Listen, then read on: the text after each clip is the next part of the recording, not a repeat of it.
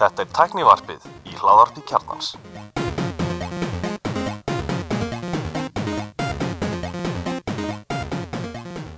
Komið þið sæl og blessuð og velkomin í tæknivarpið. Ég heiti Alli Stefán og með mér í dag er, Andri Valur heiti ég og svo erum við með góðan gest, hann Sigur frá Makland, sem er með lengi langa að fæði þannig. Velkomin.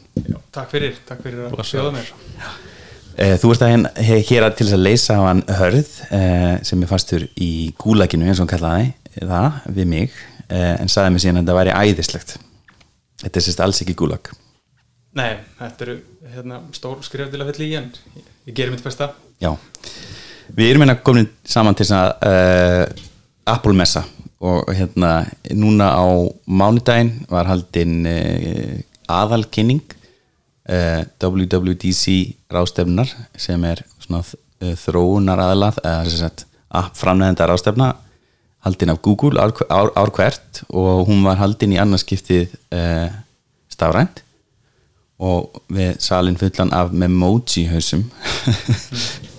Tim Cook hérna byrjaði steifistur á svið og fyrir framar hann voru sagt, fullt af svona memoji hausum sem voru sagt, starfsfólkið hjá Apple á svona fyndi Ég var ekki búin að átta á því að þetta væri starfsfólki Já, það var sínt hana uh, þegar þau grekjurinni hérna, hættir uh, og, og Tim Cook fær orðið eftir í lokin þá, þá sagt, verða þau á hausum inn í salnum hann alveg í lokin. Já. uh, hann og ég man ekki hvernig með hann var það, já hann er Catherine hana sem er með, sem er með relations hana developer relations.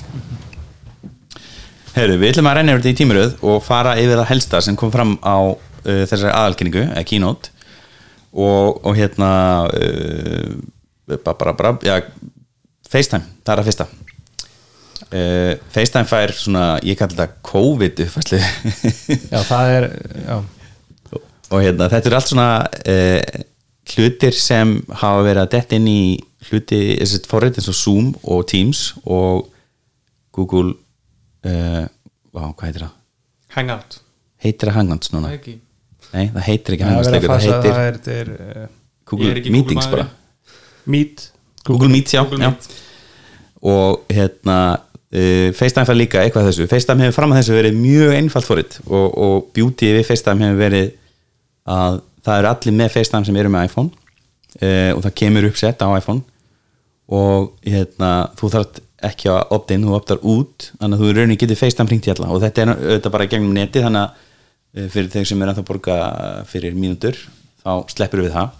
Og svo hafa gæðin bæði hljóð og myndgæðin verið nokkuð góð finnst mér á í gegnum tíðina. Svona mjög snemma í HT Voice og fleira. Það er eiginlega svona sérstafan hjá, í FaceTime hefur verið gæðin, myndgæðin sem, hérna, sem að koma út úr því sko. Já, og svo náttúrulega einn svona leiðileg sérstæð er að hérna, ef þú ert með MacBook 12 eða Mac 12 þá kviknar semst, samtengst þetta og þá ringir í FaceTime á tölvunniðinni á sama tíma og í símanuðinu sem er klingir allt. Klingir allt, það, það er svona svolítið leiðilegur ég hef nú ef ég var að vinna hana þá væri ég lengur búin að leysa þetta með því að veist, skipta út ringitónunum á MacBook í eitthvað svona mjög látlösan ringitón sem væri ekki eins háver Mér minnir að það hefur gert eitthvað svona hérna, awareness tengt á einhverju tímpunkti að þú ert að horfa á símaðina þá slögt hún á þessu í tölvunni. Já, svona smá cleverness. Já, Já, þetta er svolítið cool. En uh, það sem var kynnt núna er að FaceTime fær portrait mode á iOS-tækjum sem best ég veit og iPadum. Man ekki með mökkum, líka mökkum. M1 makkonum M1 mökkunum, já. M, M, eða, sérst, Apple Silicon Exclusive Mhm. Fetus er ekki á, á hérna, Intel já. Ok, ok, ég var að unpacka því því að það var, það var svolítið rauð þráður í mörgu hana. uh, það er, sérst, við komum kannski sér að fleiri hinnum, en hvað finnst ykkur með það að exklúta Intel, makkana sem er ennþá í umferð?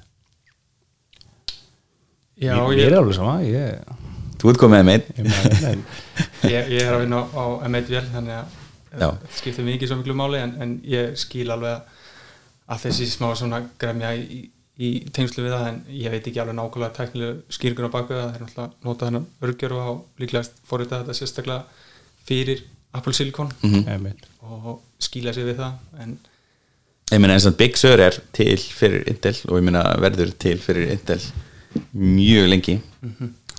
Já, ég meina það er bara jú, það er bara þetta er pyrrandi fyrir haldið þetta sé pólitísk ákvörun haldið þetta sé kostanlega ákvörun eða haldið þetta sé uh, peppum, veist, silikonið appelsínlikonið ákvörun Já, ég held að þetta sé svolítið svolítið svona pólitíst Já. bara svona svona hvað færðu umfram bla bla bla.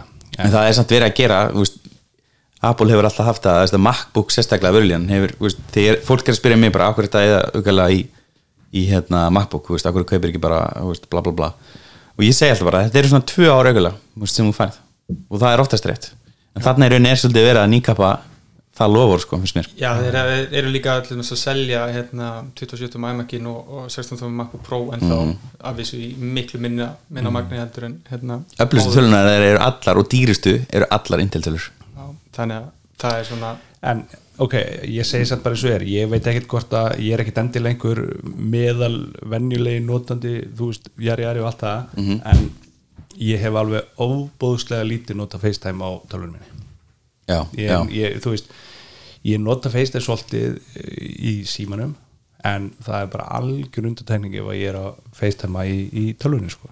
sko ég er enda núna eftir fekk M1 töluna mína þá hérna, hef ég verið að taka símtöl uh, sérst, ekki beint kannski nota FaceTime heldur nota Bluetooth uh, eiginlegan að svara símtali sem er ekki FaceTime símtal heldur bara uh, hérna, símtal Já, svona, já, veist, þetta er basically bara eins og að nota headset þú veist, bara tölvæni headset. Já, já. og hérna og fyrsta lagi, enginn fatt að, að þau væru á A, speaker og ég var að tala í tölvumæng enginn búin að fatta. Allir bara halda þessi að ég segi tala síman og bara enginn hvort er í gæðin og ég spurði þið eitt bara, þú veist, hvað finnst þér um gæðin og bara, þú veist, frábær gæði og mér finnst frekar þæl bara að nota tölvuna sko. ég, þú, þú líka alltaf síma sko. svo latur. Ég er bara hættur að tala síman ég er bara senda tölupúst já, setur bara tölvupast ég notaði FaceTime mikið þegar ég bjó í Berlín og var að tala og ringja heim og svo leiðis og, Mhm. og, og, hérna þar er hérna Whatsapp menningin með sterk sem hefur aldrei náð neinum festi á Íslandi einhvern veginn en FaceTime það er bara innbandsgæðin og, og hljóðgæðin og, og einmitt þetta þetta hérna sync. Mhm. að, að ég geti eh, tekið símtal í tölvuna og þetta, þetta er bara frábært. Mhm. En það verður gott að fá þetta portrait mode sem er rauninni blörar bakgrunnin og setur þig framfyrir sérst, talandan sem er í mynd. Uh, hljóðið verður tekið í gegn uh, sérst, spatial audio verður notað voice isolation og svo líka þetta white spectrum sem er sérst, þetta er öfugt, pömpur upp all hljóðin í kringu þig eins og við erum að lendi í núna hérna steinar vinnur okkar og ískutur er, að- að spjalla í síman hana labba milli við erum að fara að taka þetta podcast upp bara á FaceTime. Já, það er ekki betra hljóð. En það er náttúrulega eitthvað að væsa á þessum mækum okkar hérna núna. Uh, Já, mér finnst það allt bara frábæri fytisværi og Spasial Audio verður notað þannig að það ef þú ert að tala við fleiri neitt á, á uh, FaceTime á rauninni hérna, raðar hann fólki upp í, og þannig að það sé einhver vitt í þeim þannig að fólk er uppi eða niðri eða hægra eða vinstri og það raðar hljóðunum frá fólki þannig líka. Þannig að þú, þið líður, þú horfur á skjáin og þú ser það Siggi er hægra megin og Andri er vinstra núna. Og hérna þá heyruru aðeins vinstra megin og hægra megin í sikkurum alnum þannig að það er svona hljóð já, fjallaðar vitt, mér finnst- það mjög cool. Verður maður ekki bara rílaður á þessu? Ég veit ekki, kemur í ljós, við erum bara að prófa það. Mm. eru þið búin að, já, kannski án fyrir lengra, eru þið búin að setja upp æsvindán eða ég er með iOS 15 á bara auka, aðal símanum mínum. Á aðalsímanu ég er, ég er langveikur svona þegar fyrsta, fyrstu developer preview alltaf á aðal síma minn og, og svo bara, þú veist, svara eldur símtölum og fólk alltaf hvert í mig og eitthvað en þessi fyrsta útgáfa hún bara virðist vera nokkuð stöðug. Já, það, ég er þetta ekki búin að fara djúpt í henni, ég sá einhvern á YouTube bara do not install the betas. Bara. eina böggi sem ég bara lendi ég með Safari. Búin að þurfa að kvitta honum þrísvar eða eitthvað þetta hefur ekki verið mei- meira en það sko. ok. Ég hef gert þetta eins og snemma, en ekki eins snemma þetta en, en hérna, ég sá eftir því sko. Ég hef viljað fá bara sér tæki ég hef bara gert þetta frá því að það var hægt sko. já, ég hef oft beðið eftir að komi sko gold Golden Masterinn Já, já. Saman hér, mér finnst það, það svona fyrsta. sko, já, þá, og ég hef aldrei verið einhverju veist, þá er þetta orðið bara nokkuð stöðugt. Já, þeir, þeir hættu með Golden Masterinn og, og breyttu sér Release Candidate sko. release candidate, já. Mhm. þannig að hann kemur í hvað, júli Nei, Í ég held að hann komi örgulega í, í svona loka ágúst eitthvað svo leiðis Já, já, ok. Uh, Svo er henni stærsta fréttin finnst mér er hérna uh, FaceTime links. Uh, nú getur hérna, þú búið til fram í tíman semst Facebook fund eins og er hægt í Teams og hlera og þessi hlekkur virkar í öðrum tækjum heldur en Apple tækjum. Já, í browser. Já, í Vavra Það er ekki komin FaceTime, það er ekki komin FaceTime app eða iMessage app eins og margir hafa uh, agitera fyrir að fá á Android eða ykkur aðra önnur plattform sem væri náttúrulega algjör snilt og er, eitt af líkilatsum þessa Apple er hér í dag. Svona stort og mikið því að iPod var á sínum opnaður uh, fyrir aðra plattforma heldur en bara Mac og fekk Windows client fyrir iTunes. Og það, það eru rættir innan Apple og, og utan Apple sem vilja meina að þetta geti meina við erum sniðut markastæki fyrir þau. Já, mú á sínum tíma það dró gríðlega mikið af fólki inn í þetta ecosystem og þá var náttúrulega kannski markastaðan hjá tölvöld öðruvísi hún er í dag en ég held að sé bara gaman að hérna, geta ringt í þessa örfóvinni sem að maður á sem að hérna, nota Android. Að geta sendt þeim link og, og tekið FaceTime. Þurfu ekki að fara endilega og taka Zoom af því að þeir eru með einhver önnur tæki. -hmm. og maður, maður, það er rauninni bara það er gott fyrir mig sem, sem iPhone notanda að ég þurfi ekki að fara í Zoom og kannski í leiðinni að, hérna, að geta kynnt uh, þá sem eru á öðrum plattformum fyrir að ég held að þetta sé bara mjög flott. Ég hef mér veist Apple hafa hérna það var auðvitað ekkert á dagskrá að gera mikið af þessum hlutum sem við gerðum en út af COVID að þá þá hérna urðu ymsi hlutur raunveruleika sem að kannski við höfum ekkert venulega séð verða raunveruleika. Og ég held að kannski FaceTime links það hafi verið kannski sett svolítið pressa á að- að gera það út frá COVID og út frá því að veist, Zoom og, og hérna, Microsoft Teams og, og, og þessar lausnir bjóða upp á sambarlega eiginleika. Mm en maður fram að þessu sko, reyna hljóma á dónulega en þá hefur FaceTime verið algjör fyrstipræs útgáfa af svona tóli sérst, af fjarfundatóli ef það ætlar að reyna að vera það. Þá er þetta náttúrulega ágætis byrjun en, en þetta er talsett langt og eftir öðrum aðalum myndi ég segja, það eru komin svo brjálaði fýttursjörn í Teams. Teams er uppfærtaleg svakalega öll Teams fyrir sex mánuðum er ekkert eins og Teams Nei, í dag sko. breytist rosa rætt en, en, en þú veist, ég held að það er ekki full snemt að halda Apple sé að reyna að fara þangað Með- ég veit ekki, það er alveg annað sem ég var lí- líka mjög hana með er hérna sem sagt, SharePlay uh, sem sagt, að geta delt skjánum bæði iPhone, iPad og Mac. Það er svolítið cool. Já, og geta hort á einhverjar myndir og, og svoleiðis. Þetta er eitthvað sem við höfum aldrei séð kannski koma eins og hérna ég sagði áður að COVID hefur áhrif sko. En þetta var, lúkaði mjög vel í, í hérna kynningunni og ég veit ekki hvort ég er að fara að ringi marga og horfa einhverja mynd með þeim og kasta henni upp á TV og menn ég fylgist með andlitinu í, í iPadinu með eitthvað en, en Nei, ég hugsaði bara strax um vinnulega ég er bara búin að deila skjánum mínum svo mikið núna síslin, síslina, uh, hvað, átjá mánuðina að hérna, og náttúrulega FaceTime-urinu var aldrei möguleiki sem einhvers konar fjárfindalust fyrir mig nema bara í einhver svona stutt að fundi sko.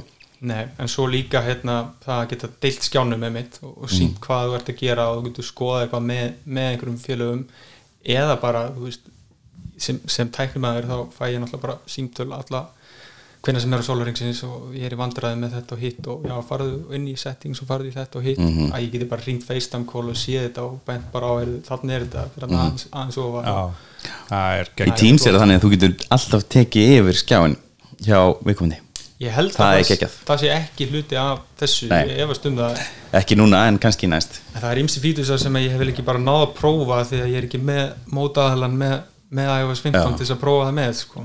Er ekki hörður, hörður líka svona eins og þú, hann fyrir snemma Jú, ég er ekki búin að heyri honum hann er bara í, í, í Svoleik. svolkvíðinni sko. En, hérna, en jú, ætlum að hérna ekki að prófa, prófa þetta með honum og, hann er ekkert betra að gera það ekki já, En hvað hérna, hvað fleira í iOS?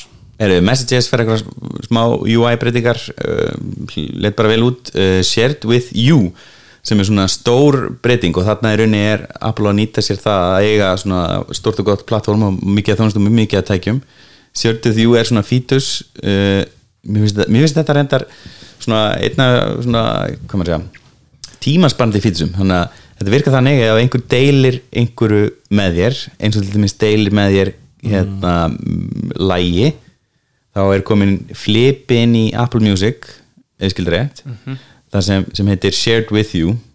Og það er rauninni ef þú er búin að setja með fimmleg þá eru þau öll hana fimm inni frá þér. Og þú getur ítt á eitt taka og ef þú sendir mér þetta genum iMessages þá getur þú farið aftur í það samtal og svo sagt hei, takk fyrir þetta, þetta er geggja lag. Er, er þetta þá þannig að þetta Share with you sko er eftir uppum, þannig ef einhvers deilir með mynd þá fyrir þenni with you í Photos appinu og, og ef hann deilir frétt þá fyrir þenni News appið og Nákvæmlega. þetta er, news, music, photos Safari, hlekkir? Podcast, Podcast. og Apple TV Plus. Það er en svo er spurning hversu langt það gengur ég náði því ekki alveg út podca- út úr hérna eventinu hvort að það sé einhver API fyrir þetta hvort að third parties geti farið að skrifa ykkur lausnir, ég hefast um það. Ég held að þetta sé svona fítust til þess að halda þér inn í Apple heiminum sko. ef einhver þetta fer ekki inn í Spotify. sendir mér hlekk á, á eitthvað gott lag á Spotify þá bara þá bara var það ekki shit with you. Nei, bara never happened. Mm -hmm, uh, svo er hérna uh, fókus uh, það er til að taka betur á tilkynningum. Tilkynningar hafa alltaf verið aðeins lakari á, á, á hérna, iOS en á Android. Og þarna er farið áttina að einhverju sem he- heit, er nú þegar til hjá Android og heitir fókus líka nema fer kannski aðeins lengra og er aðeins svona, hvað, maður segja, ég myndi segja þetta að vera aðeins notendavæðna Focus Mode á Android hefur verið læst inn á Work Profile sem ekkert allir eru að fara að setja upp eða eru með og eru náttúrulega tengdi við vinnu afgang á Android. Mm. ég finnst þetta mjög, þetta var eiginlega flottastu breytingin. Mm. að geta hérna þú veist, ég er í vinnunni og svo fæ ég eitthvað notification tengt einhverju sem að maður kannski gerir í frítímanum sínum eitthvað sem að ég vil skoða en ég vil ekki skoða í vinnunni. Ég vil vera að fókusa á það sem ég er að gera í vinnunni. Nú er hlust, hörður að hlusta af mjög Já, hérna samvisku sami starfsmæðurinn samvisku sko. sem starfsmæðurinn en hérna að því að svo kannski reynsa ég þetta út að því ég nenni ekki að hafa þetta með í vinnunni og svo sé ég þetta aldrei.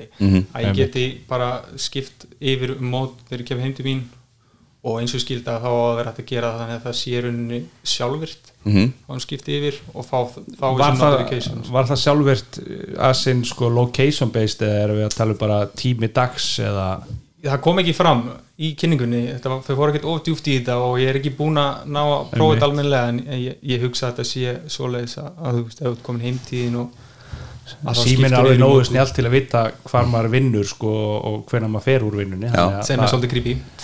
Ekki hjá mér en hjá mörgum öðrum. En það voru allan hvað fjórir prófalar innan að það var work og sleep og personal og einhver einnig viðbútt sem var síndur svo var þetta not disturb bara. Já, do not disturb, já, sem náttúrulega þetta er einnig bara svona svolítið svona, þróun á disturb.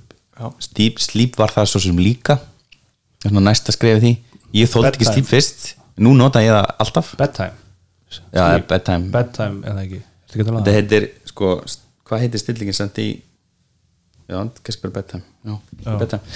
Og hérna e, mjög annað með það. Og þannig að ég, mér finnst þetta að vera lógist næsta skref að geta aðskilið vinnu frá engalífi og fá þá bara tilkynningarnar sem tengjast vinnunni þannig að sé ekki verið að draga það inn á Facebook eða eitthvað sem skiptir ekki máli Já, þannig að stillur í rauninni þau upp sem þú ert að nota inn í hver prófæl Mhm. viltu hafa, þú veist, kannski með Slack og, og hérna, einhver fleiri forrit inn í work prófælnum Mhm. og, og þá fæ ég notifications úr þeim uppum sem ég er búin að stilla inn í og ég get líka stilt sagt, þá tengilið sem ég vil fá notifications frá Mhm. í hverju prófæl fyrir sig Já, og svo er annað sem hefur verið lengi til í Android líka ég er að taka hana Elmars hlutverkið uh, það er uh, að það er komið stegaðar tilkynningar uh, þessu var nú ekki líst mjög mikið en þetta gróðundrátt virka þannig að þú getur tilkynningar munu vera annarkvæmt mikilvægar ekki mikilvægar og ómikilvægar tilkynningar munu safnast fyrir í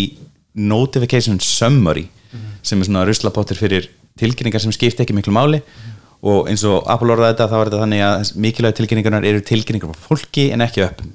Já, skilabóð, e-mailar uh, einhvers konar samskipti á meðan að hérna, einhver leikur sem er að reyna að byggja um að koma að safna einhverjum coins hann er rauninni fyrir í Eða- notification summary en ekki í notifications. Að minna á að í dag er, er tilbúðstæður já, ég myndi, elsmiðin eitthvað.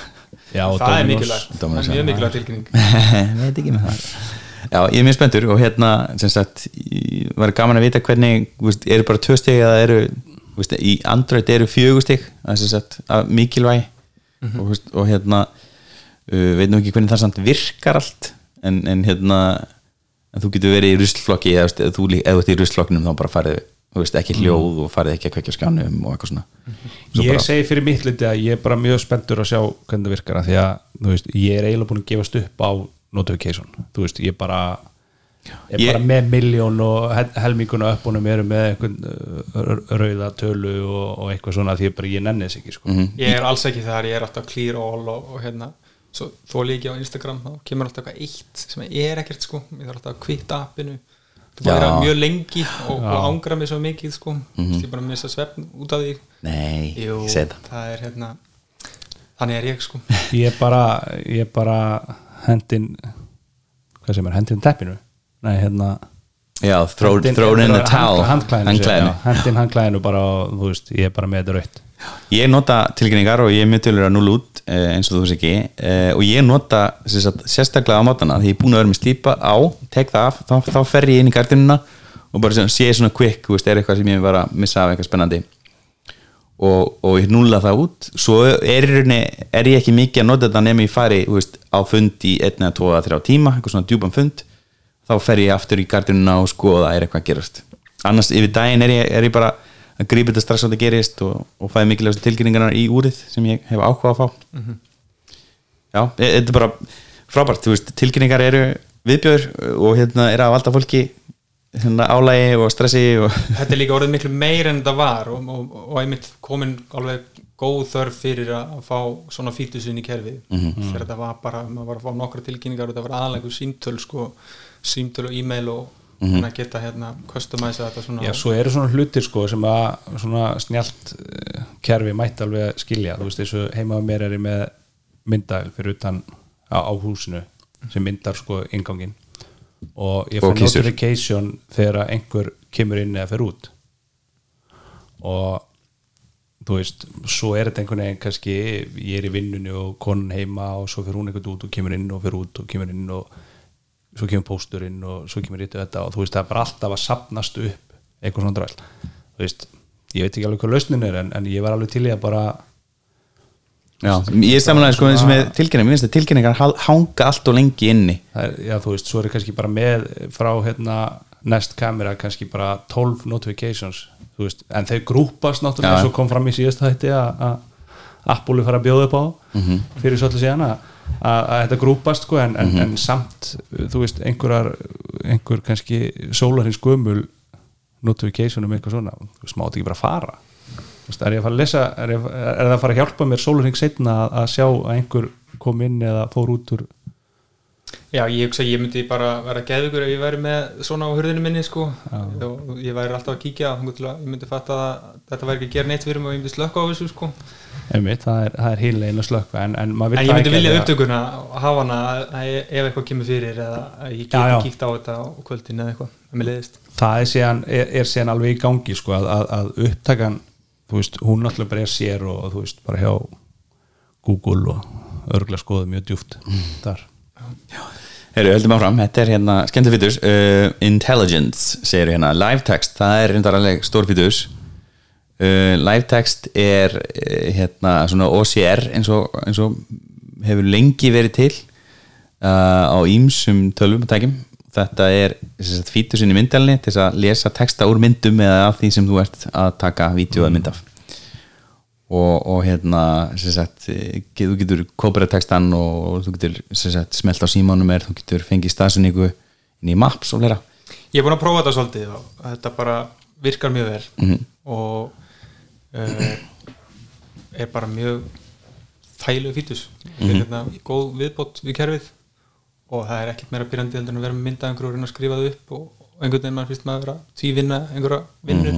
Að geta bara smelt mynda af þessu og, og breyta sér í texta. Þetta er bara svo rökrétt skref líka. Þú veist, þetta er komið í þú veist, Microsoft Lens og, og, og Google Photos hefur verið með þetta og, og, og hér og þar Google skilur- Lens, hérna bæði Lens. Ég held að ég, það hétt Google Lens held ég að- Já, það hétt það allan á sín tíma. Og Microsoft líka, það er nefnilega Microsoft Lens. Já, Microsoft Lens er, er sko Fítus. Microsoft appið Já. fyrir þetta. Þú tekur mynd af einhverju whiteboard bara eins og, eins og við erum að horfa hérna og sést ekki í þættinum að, að þú veist, tekur mynd af því og skellir yfir í texta og já, allt þetta. þetta er bara scan appið Ég, ég notaði það mjög mikið þegar ég var OneNote maður sem ég reyndar ekki, er, er ekki lengur í dag. En þú gast í rauninni kóbra myndin og svo gæti kóbra textan út úr myndinni nú erum komið þákaðin Einmitt. En, en sko ég segi líka að þetta er að því að þú veist, við vitum alveg að, að, nú þegar og í tölvan tíma hefur sko hafa myndirnar verið það er búið að greina myndirnar alveg heil mikið sko þannig á bakveg þú getur leitað eftir þú veist bara ketti eða garði eða grasi eða þaki eða bíl eða bjór eða einhverju og, og, og færð þá niðurstöður sem sína eitthvað þessu. Þannig að þú veist rökrétt skrifa að, að texti bætist inn í þá lúpu. Þetta er eiginlega bara þróunin á þessum fítus. Hva- og hvað hún, hún skilar þessum, þessum fítusum svo út. Mm svo er ekki bara textið að líka Hlutir. hlutir. Og þú getur þessi tekt kyn af hundum það var sínt hana, hvaða hundur er þetta. Já, mann ekki hvað hundur það var, þetta var var eitthvað japanskur hundur. Já, það já, ekki einhvern kött bara- líka í þessu hundi Jú, það, það, þú veist, þetta er bara þetta er svo rökrétt sko, að, þú veist, í, í einhver ár núna hefur geta fundið sko, hefur systemi vita að það er hundur á myndinni. Já, en þú veist, bara, svo verður bara aðeins gáðara og, og veit sko kannski hvað tegunda hundið það er. Það sem ég hugsaði með þetta live text og visual lookupið og allt þetta ég hugsaði það er mjög stutt í glerun þetta er náttúrulega er, þetta er geggjað fítus þetta er svona Terminator fítus það sem hann horfir verið á allt og bara age 56 eitthvað born in já, svo líka við komum inn á eftir hana með, með maps að þú getur breytt yfir í AR viewið á mappinu og séð leiðina þina Já, myndir er þetta, líka- er líka. þetta er alveg bara þetta, Þetta verður er- í, í, í hérna gleraugunum sko. Já, núna Já. fer það að koma, núna fara spilin að spilast út og núna fer maður að sé á heildamyndina aðeins betur, eða svona farin að sjá púslinni sem fara inn í heildamyndina fyrir einmitt. Og það, sá fítus er geggjaður. Ég er búin að nota hann aðeins á, á Google Maps. Þannig að þú veist eigir og nákvæmlega eins og þau nefndu í, í hérna í kynningunni sko, þú veist hver kannast ekki við að lappa út af lestastöð þú veist ekkert hvað það verður maður veit ekkert á hvað hotni maður er þú veist það eru fjórir oft útgangar og jafnvel fleiri. Maður veit ekkert á hvað hotni maður er. Og þú veist bara klassísta veringstöður í New York og, og netsambandi er ekkert eitthvað svona brjálæðislega gott og, og, og sérst sími veit ekki alveg svona þú veist, ertu hérna eða hérna? Að henda þessu bara upp nær hérna einni byggingu eða tveimur bara já, þú tanna síni bara visuált, þetta er geggja sko. Já, þetta er sniðt Hérna, svo annað meira intelligent að hérna, Spotlight leitin við tekinni gegn, þú getur núna leitað uh, að myndum inn í Spotlight sem hefur ekki verið í búið sem hefði átt að vera komið Já, ég samla En by the way, ég, sést, ég nota mikið Google Photos og Apple Photos og Google Photos rústar Apple Photos every time sko. Já, leitin já, er svo léleg það þarf að taka hann upp á næsta steg sko. þessi Spotify leit er bara spotlight. hérna Spotlight leit er, hún er bara drastl Ég er enda að nota hana rosa mikið sem launcher þú veist, að að fara að opna ykkur upp sem ég man ekkert á hvað skjá eru. Já. og ég nota stundum til að leita á kontentum og, og hérna er það eitthvað meira sem, núna mun ég leita myndum, ég mun reyna það allan að sjá hvernig það kemur út. Ég nota Spotlight sem uploads er bæði í iOS og í macOS. Já, og ég hef prófaði Alfred og ég bara fatta ekki hæpið við hann. Nei, saman hér. Bara, Ég ætlaði að fara að búið til eitthvað makros og svo var ég bara eitthvað eina sem ég myndi vilja, vilja fá uh, úr Alfred inn í Spotlight sem ætti Sherlock er að hérna, geta leita innan sí, ákveðna sína eins og bara já.is bara s-bil, já.is bil, sigurður, flíkering símanúmerið bara komið inn í Spotlight. Það vantar. Ég hef mjög oft verið að tuða yfir í, í Slack hópnum okkar að, að Já, ég man eitthvað að segja. Herru, fótos, Siggi, hvað breytist þar? eh, það var líka eitt af það með intelligence það Mm. var hann að þú getur leitað eftir frægu fólki. Já, og kveikmyndum, svona og IMDb kvíkmyndum og eitthvað svoleiðis. Og, og, og þá eiginlega hugsa ég sko, þú veist, það er alltaf að vera að tala um þess að Apple leita vel, hvort hún sé að koma. Mhm. og ég veit ekki neitt um það hvort hún sé að koma eða ekki sko, en svona af, af mínu instinkti að þá held ég að Apple sé hægt og rólega að- byggja upp leitavél búið til hennan Google Competitor og munu koma honum inn sem default leitavél Já, mjögulega eða kannski bara betra að þau haldi sig út úr þeim business. Þetta er náttúrulega, þau fá fullt af peningum fullt af úr Google peningum, á- á það er risk. rétt. En ég menna, þeir eru þeir hafa verið að taka þetta privacy dæmi og, og, og hérna gera ímslega með það og, og Google er náttúrulega veist, þeir hagnast á því að þú sért á leitinu þeirra og Mhm. þeir geti selt targeting fyrir Apple að búið svona leitavel hversu mikið mála er það. Já. ekki svo mikið mál. Sagan segir að Apple hafi verið að hjóra sig upp að DuckDuckGo. Já, ég held, að, ég held að þeir hafi reynd það og það hafi ekki gengið í gegn. Nei, og þeir ætla að gera sitt eigið og, og Ég ég held að, að- sjá svona uppbyggingu hægt og róli að einhverju leitavill Já, getur. En ég held að ástæðan fyrir það gekk ekki upp vegna þess að mar markminn í hópnum sem er að reyka DuckDuckGo Mhm. og með markminn sem er að reyka penningvelina sem Apple er eru ekki svo með markminn sko. ég, hérna, ég man núna hvað ætla að segja það var sambandið við spotlighti og það að það pyrra mig ógæslega mikið að, að uh, það, það skilur ekki brottstafi ef ef ég er að leita kontakt að ég noti þetta eins og, eins og þið nefndi á hann sko, veist, ég, ég nenni ekki að leita hvar appið er á hvaða skjá í hvaða möppu og allt það, ég bara slæta niður og skrifa, en ég ætla að finna einhvern kontakt sem heitir Ólafur í símaskranu hjá mér. Og ég gerir Ólafur þá finn ég hann ekki. Já, nú verður að gera óið Já. svo að hún finna nema hann sé með sko netfangið Ólafur Ólafur, at eða þú veist, það, það þarf að vera og hún skilur ekki þú veist, að því að Google er svo ógeðslega góð yr með þetta. Að þú veist, það kannast allir við að maður fyrir bara að googla svona sirka það sem að maður er að leita og Google kemur bara með efstu niðurstöðun og nákvæmlega svona að leita. Já, ég held að, að þú veist þessi brottstafi séu eitthvað sem er kannski svolítið svona hef glimt að spá í.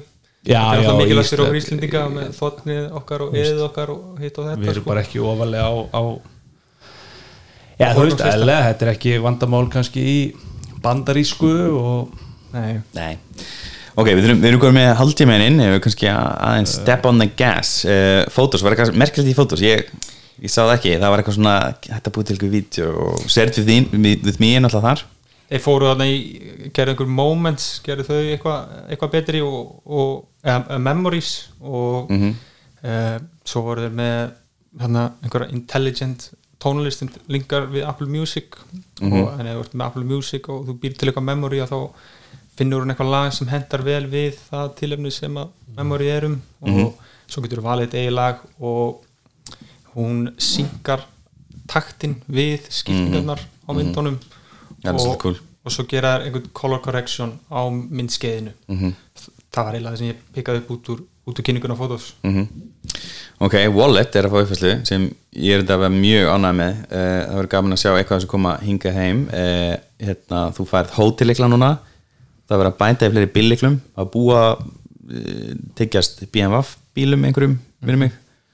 Og hérna uh, bara, bara aukurskirtinni yfir í fylgjum í bandaríkunum, það er cool. Við erum náttúrulega komið með það innan gæslapa og í Wallet eiginlega.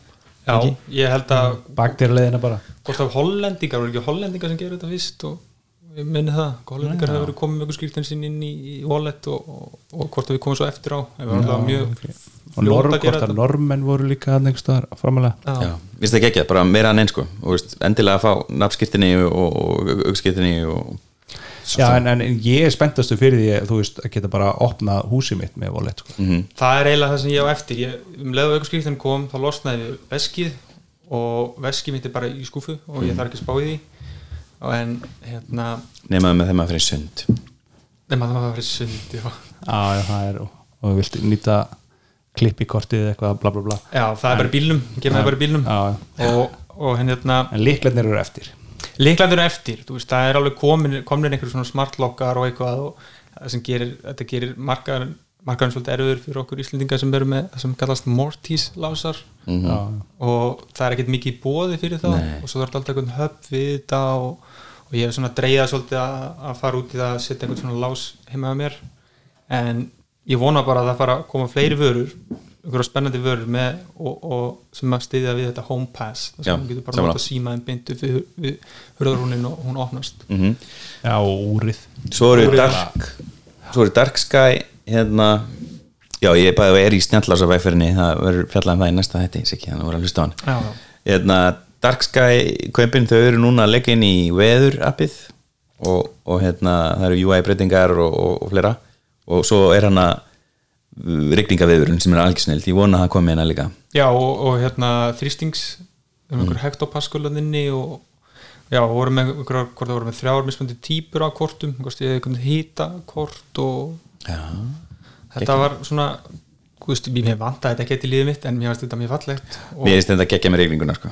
Ég, ég keiri eiginlega aldrei Keiri þetta í dag En hérna, þannig að það er frekar næs að vita hvort það sé að fara að regna bara núna eftir hálftíma og hversu lengi. Það er kannski svolítið mikilvægt á Íslandi. Já, Já, það er reynda búið að vera núna svona on-off sko. Þú getur alveg veist, stokkið heim og veist, milli staða og svo kemur regningin þú, getur alveg eða beðið í klukktíma lengur og unni á stanum Mhm. sem þetta vinna á Ok, uh, Maps fá hann alveg svakalega uppfæslu sem munur örugglega aldrei komið til Íslands en, en hérna og byrjar alltaf í Kaliforníu En við, getum, við getum farið í Kaliforníu Já, og þess, skoða já. þetta Hérna, þannig að ég ætla ekki að fella mikið um það Já, við getum farið sko, já, til San Fran og, og pröfa þetta þar Já. Eða í bara farið í, í nánast hvaða borg sem er og nota Google Maps sko. Já, það en, en, en, en þá þannig sko.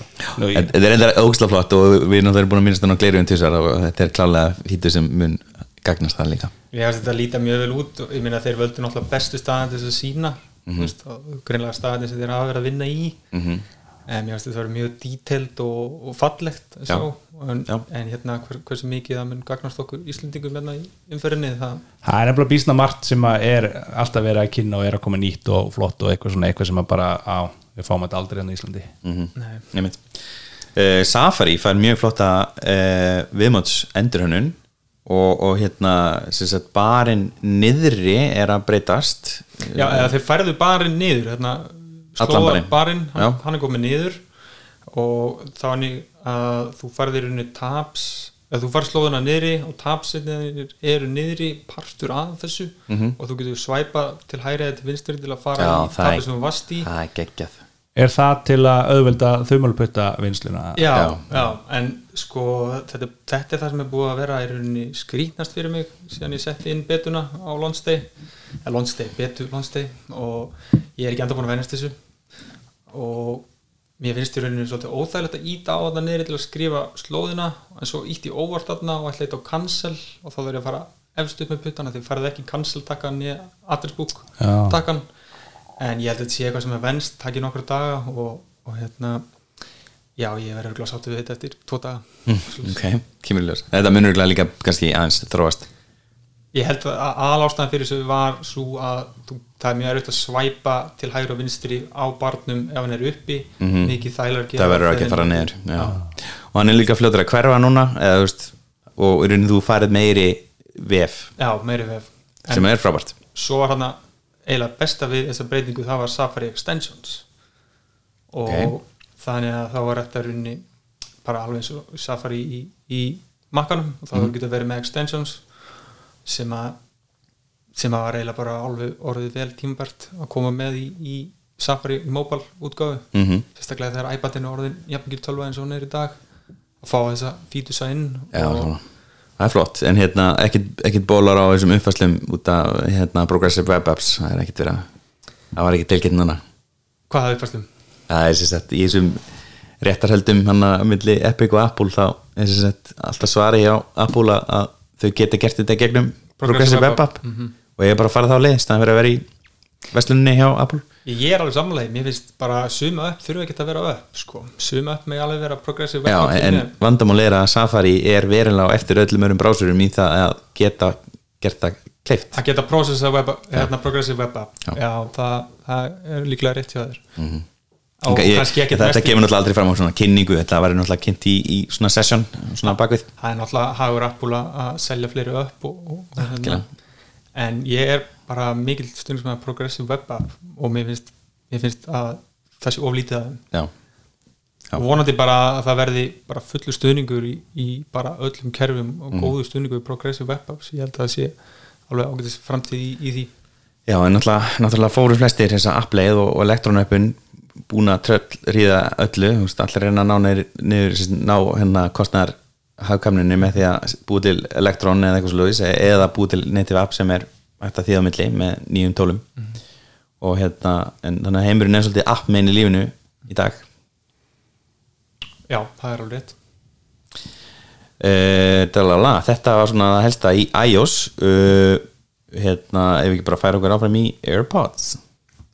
Þau fengu hana sér til svona kynningarhorn það og Home sem eru náttúrulega ekki stýrikerfi en, en hérna eru orðin svo stór úst, er svo rosalega vinsælt. Þetta er orðið bara AirPod OS já, Mér fannst eins og þeir byrjuðu þarna að kynna iOS og svo fara þeir í eitthvað annað svo komuðu þeir í iPadOS og svo fóruðu í eitthvað annað og svo Mhm. fóruðu þeir í macOS og enduðu á macOS en mér fannst svona eins og þeir væri að ræða kynningunni upp í svolítið svona að þú fengið smá pásu til að meðtaka það sem gerðist þar skoða eitthvað annað og koma svo aftur inn í stýrikerfis. Hérna, stýrikerfis tilkynningu. Já, þarna erum við að tala um hvað uh, Conversation Boost. hvað er það? Er það eins og, er það að nota þetta?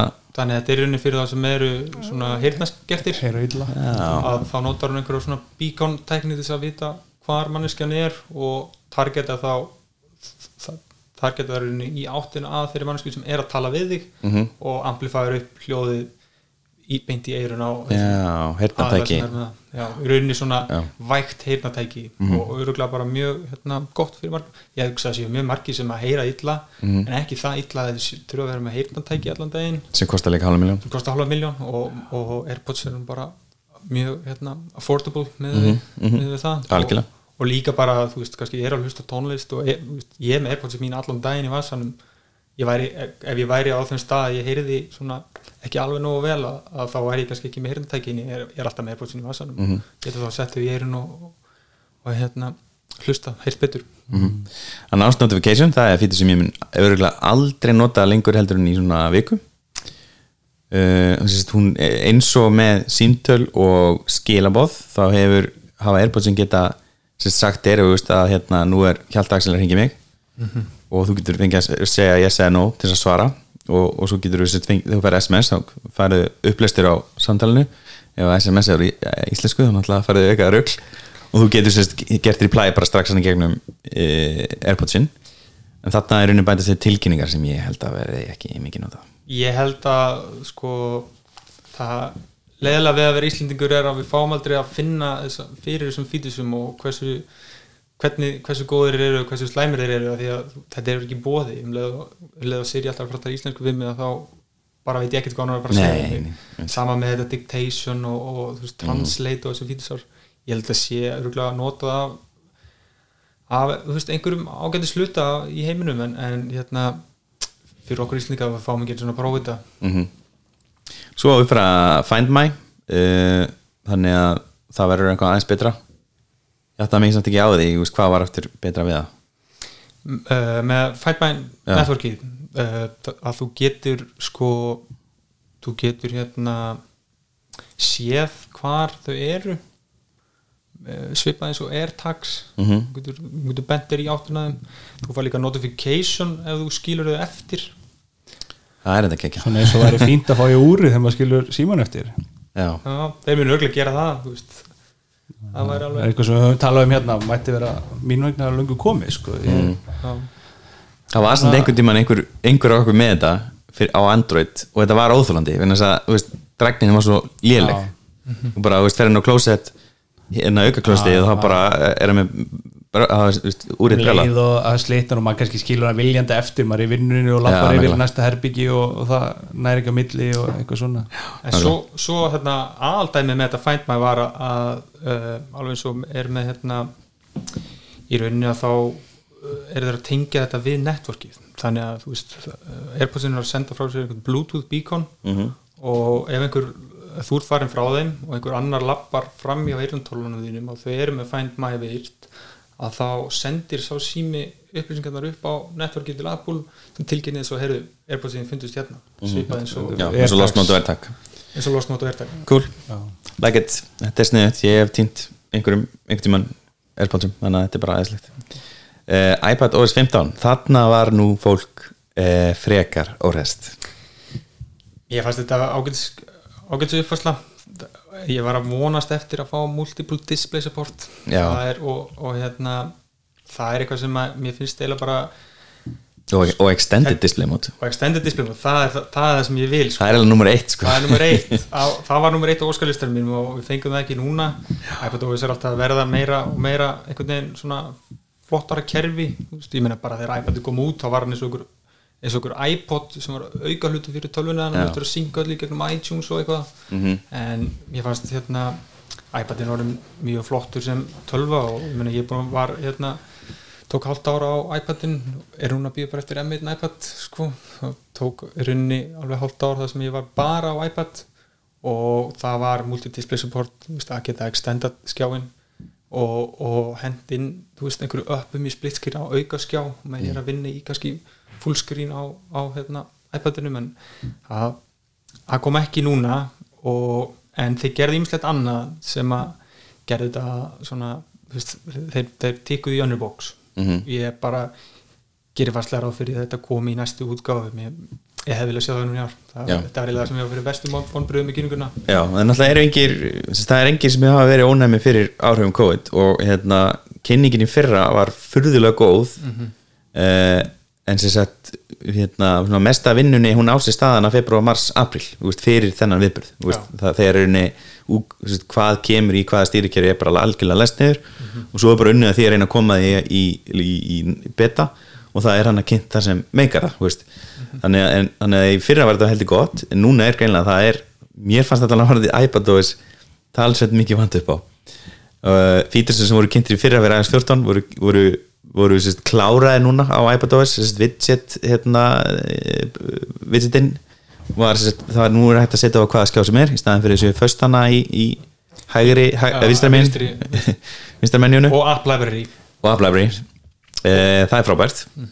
Og líka geta falið þessar homescreen síður og endur það þeim já, það, er það nýtt eða ekki? Þú veist, ég held ég hef eitt örgulega svona 8 klukkutímum í að rafa homescreenu mínu þannig að þú veist, öppin séu öll í þú veist, ég með color hérna, Já. litaröð og líka í, tegund af appi raða, þannig að ég geti verið eins fljótur að geta komast í öppin sem ég vil vera að vinna í Já. og þú veist, svo fatt að ég heyrðu, ó, ég hef þetta gert svona þú veist, þá tók það bara kannski 20 mínútur að vera að flytja upp á milli síða sem ég hef Mhm. geta gert sem ég get núna gert með iPadOS uh, það er hægt að gera þetta á bara nokkur sekundum bara færa til síður og fela síður Mhm. Það er líka eitthvað og það var gaman að sjá hvort að næsta kerfi bjóð upp á það að þú ert í ákveðnu móti, þú ert í work mode að þá ertu bara með ákveðna síður sem eru sínilegar Mhm. og að geta þá þú veist, svo ertu kannski komin falið öll stefnum á döpin falið öll stefnum á döpin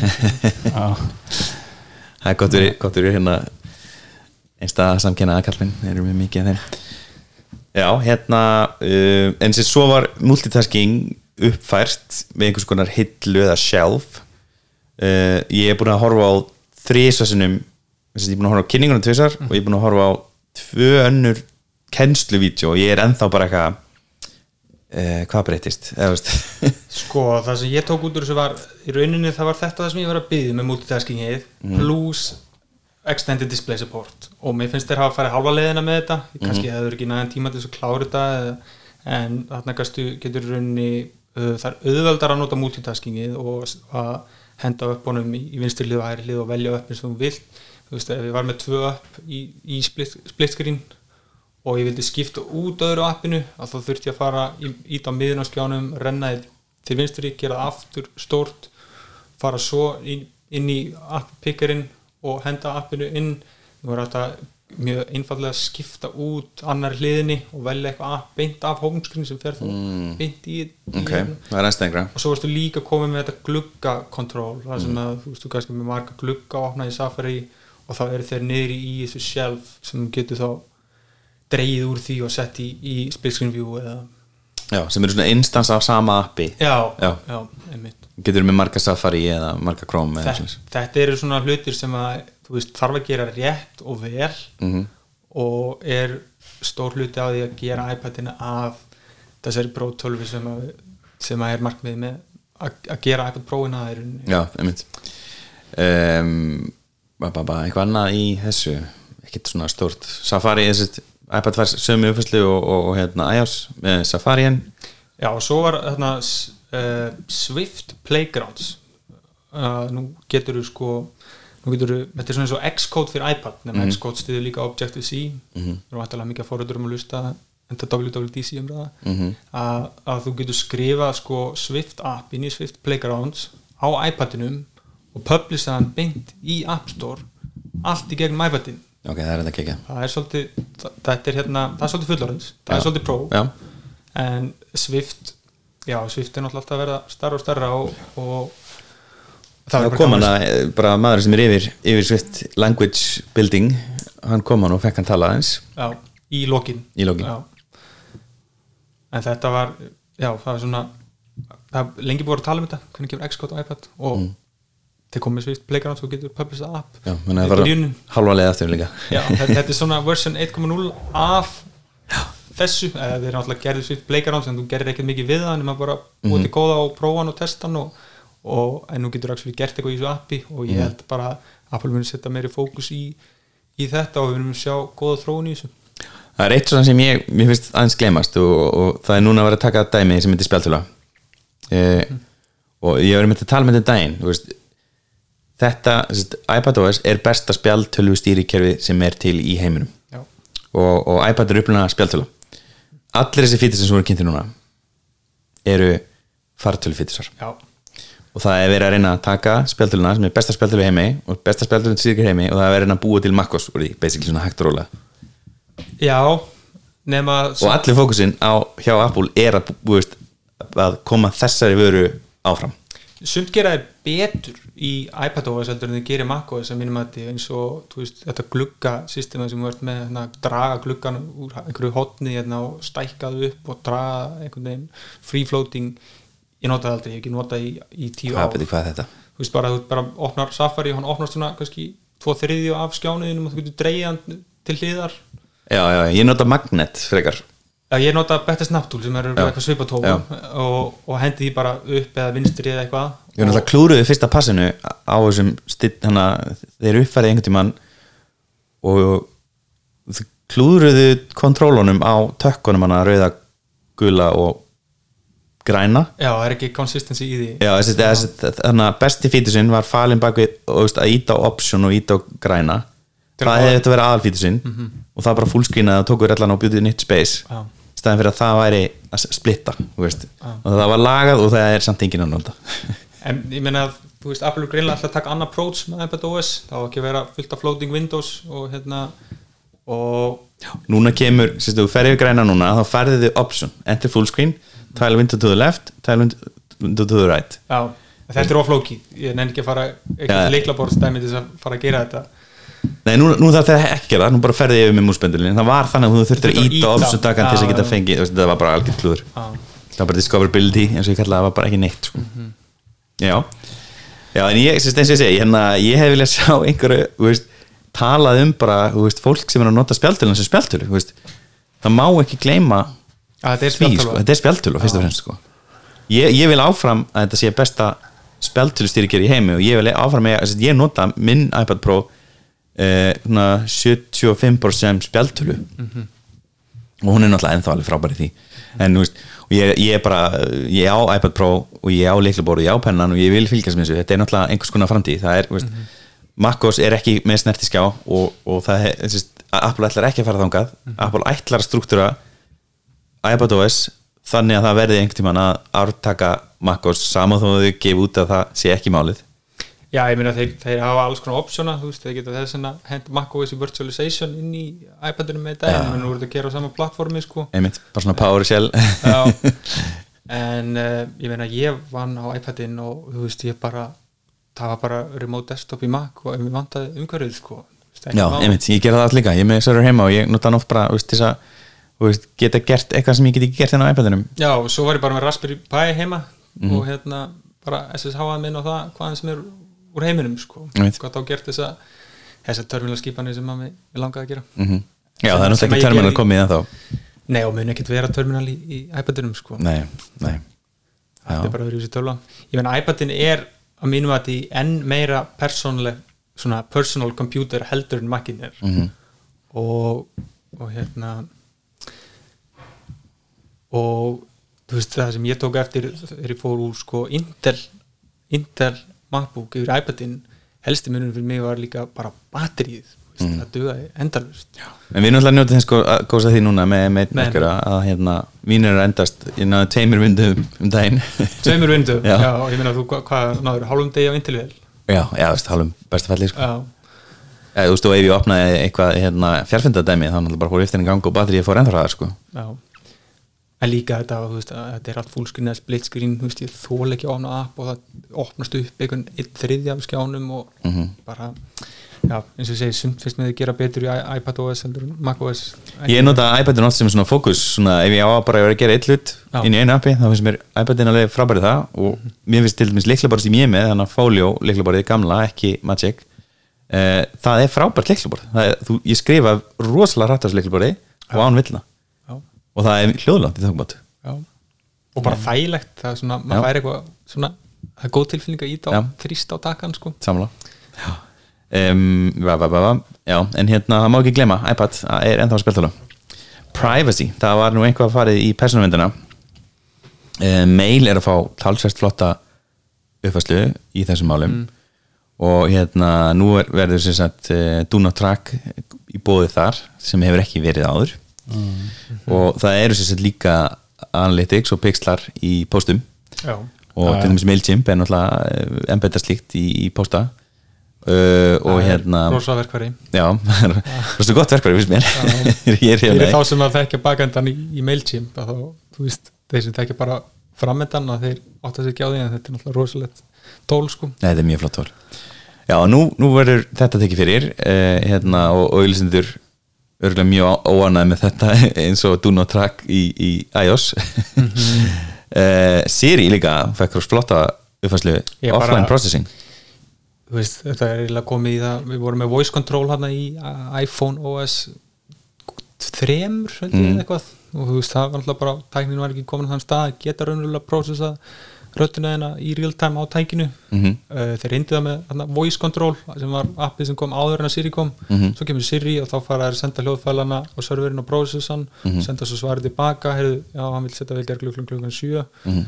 og kveita því, þú veist, það tók alltaf einhverjar gætt tekið tíu sekundur þess að bara stilla vekjarklukuna Mhm. og nú er ég búin- að vera að prófa þetta á, á, á þessu developer preview og e, það er bara gríðalegur hraðavikning í Siri að prósessa hérna, í, rauninni, þú veist, þá er prósessið sjálft á tækinu það er bara örgjörun í tækinu, hann greinir rödduna þeina og ef að hann getur unnið út úr beininni á tækinu sjálfu þú ert að stilla vekjara klukkuna þeina ef þú ert að byggja um að opna eitthvað app sem er á tækinu þá fer ekkert út á serverin Mhm. en um leið og byggður um eitthvað uh, sem að þarf að prósessa á server site þá sendir hún textan upp Mhm. Í, í þessa í, hérna, á serverina. Mhm. Þú og veist, hvernig er veðrið í New York? Þú veist eitthvað núna Já, Já. sem þarf. Já.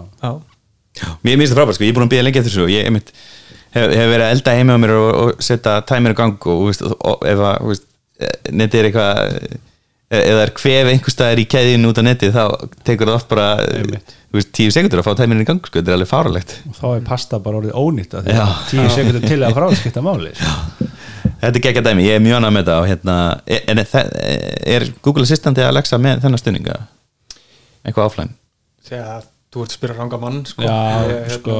Nú vantar bara gulla hérna með alla 15 Google Nestana sína. Já, en þeir eru náttúrulega bara gagslisir á netlis hann getur ekki svona tengt þetta ég, ég held ég geti fullist Við að að sko. Alexa er ekki þannig það fer allt upp á server og það er einmitt. allt vistað og eitthvað. Mm Já, ok, þetta er allan að leg up held ég, já, ég meina ég hef bara tekið eftir að, að, að viðbrastímin á Siri, hann hefur orðið lengri Mhm. og að sjá hann stýttast svona mikið að það bara gleði mig. Já, sama hér. Herru, iCloud Plus, ég, ég sónaði út hana. Uh, Sigir, þú með það? Já, uh, í rauninni þá bara uppfærði Apple uh, iCloud þjónustuna. Þannig að þú veist, það er ennþá í bóði þetta iCloud sem er 5 GB frýtt og, og þú getur syngað tengiliðina en á Safari Bookmarks og eitthvað svo leiðis uh, yfir í að paid útgáfan heitir núna iCloud Plus sem er svipað eins og hana, Apple TV Plus og, og allar þessar Plus þjónustur frá Apple sem er það sem að þjónustur sem ert að greiða fyrir.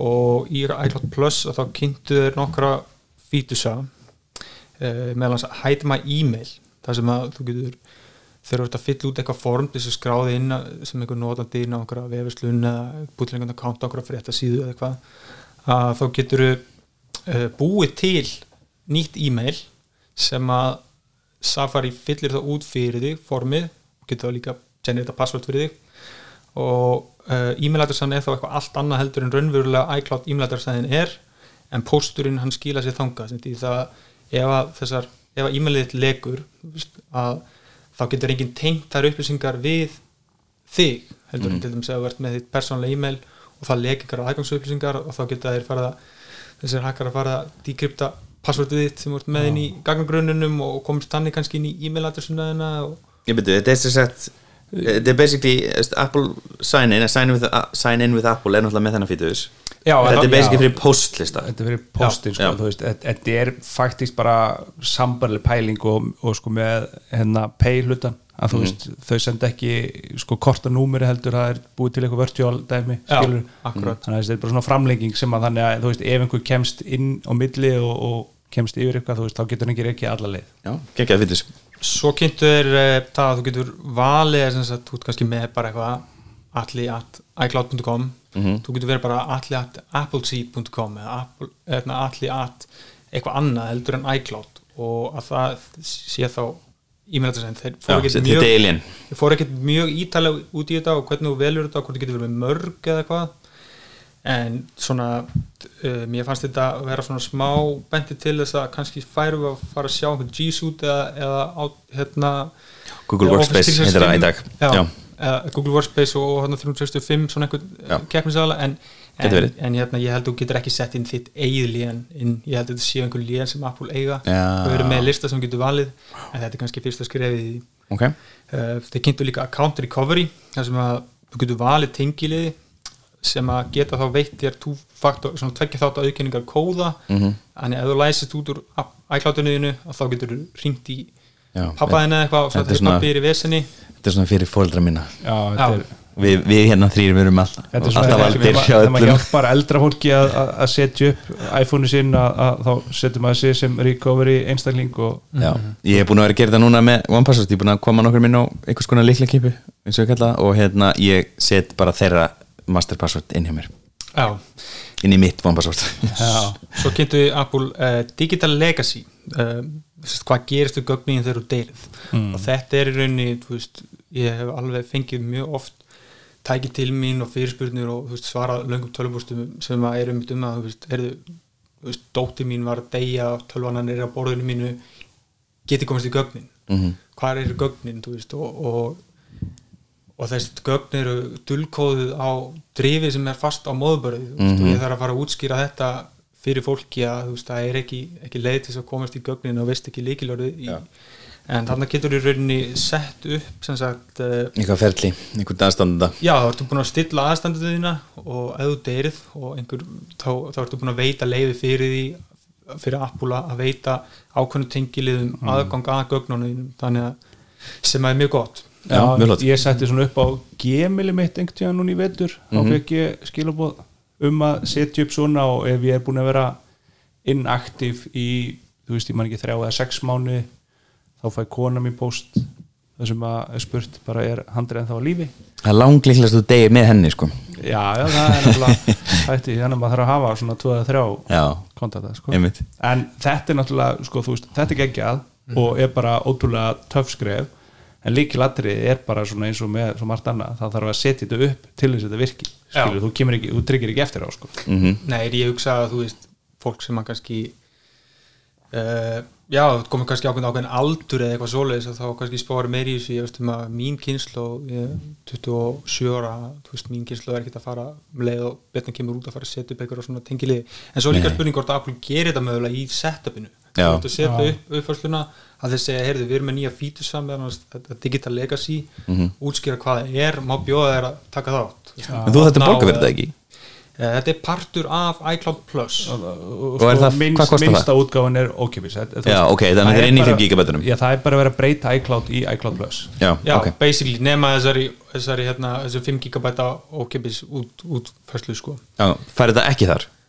Ég hugsa að þú fáir ekki digital legacy þar en, en ég veit ekki, það, ég hugsa allir, allavega allir hinni fítusarnir sem við höfum talað um að þeir eru partur af iCloud Plus, hvort að digital legacy er partur af því?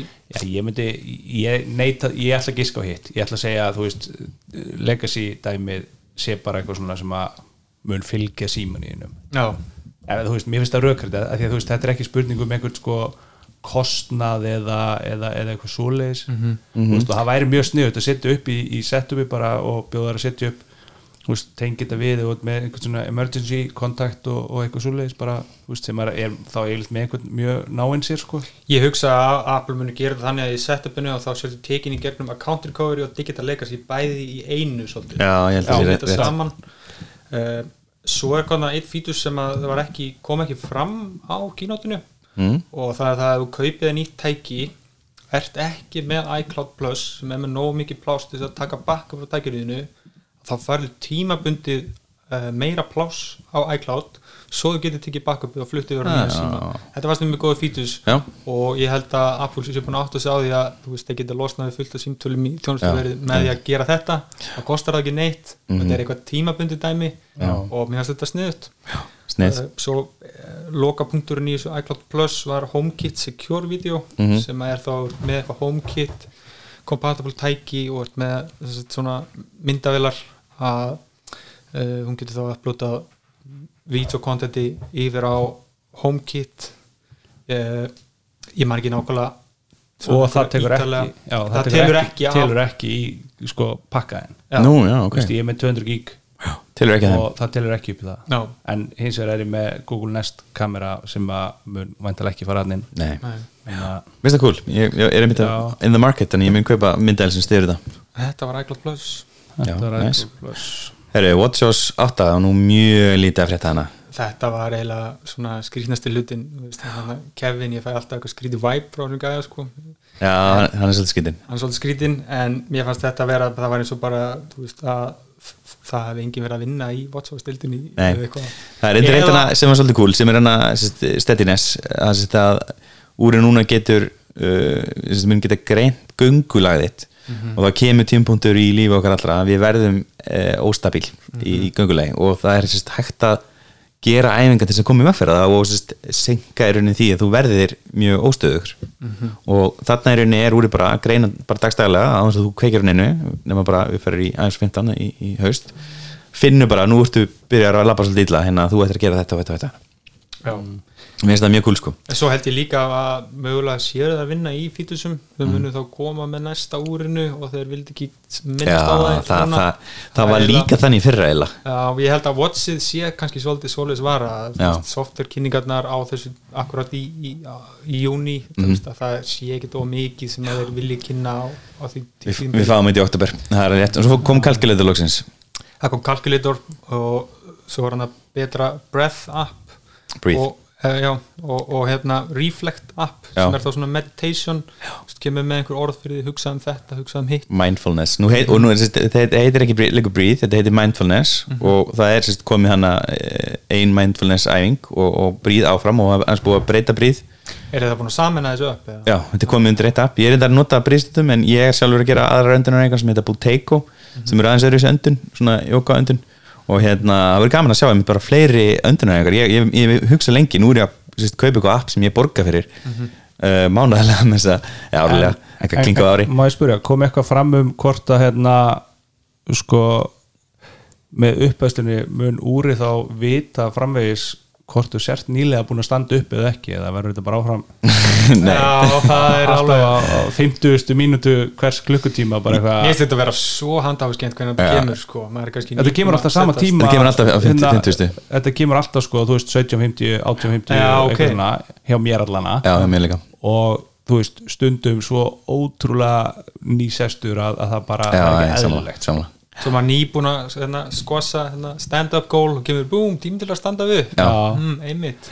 En, en var það ekki þessari umfjöldun það sem, að, það sem við vorum líka eins að tala um health appið og, og svona upplýsingarna þar inn í Jú, þeir tóku hérna einhvern sér svona health uh, já, voru Jú, að tala um jú. eitthvað kólesteról og hvernig þú getur Já. allt það, þú veist, jú, það er ágætt. En það sem að mér varst áhugavert kannski þar sem að geti svona, þú veist verið gott skrifa að, að þau virtist vera svona fara að leggja hans meira áherslu á sko að, að þú veist, hjálpa þeir að greina upplýsingarna, þú veist, svona eitthvað meðaltal og, og eitthvað svona. Ég hef fundist það vanta svolítið inn í health appi við það sko Já, fara einhverju upplýsingar og veist ekki hvað hva þýðir það, það er bara sapnast geðveikt mikið upplýsingum og þú veist kannski bara þú veist, hámarkið þetta, lámarkið þetta eitthvað svona.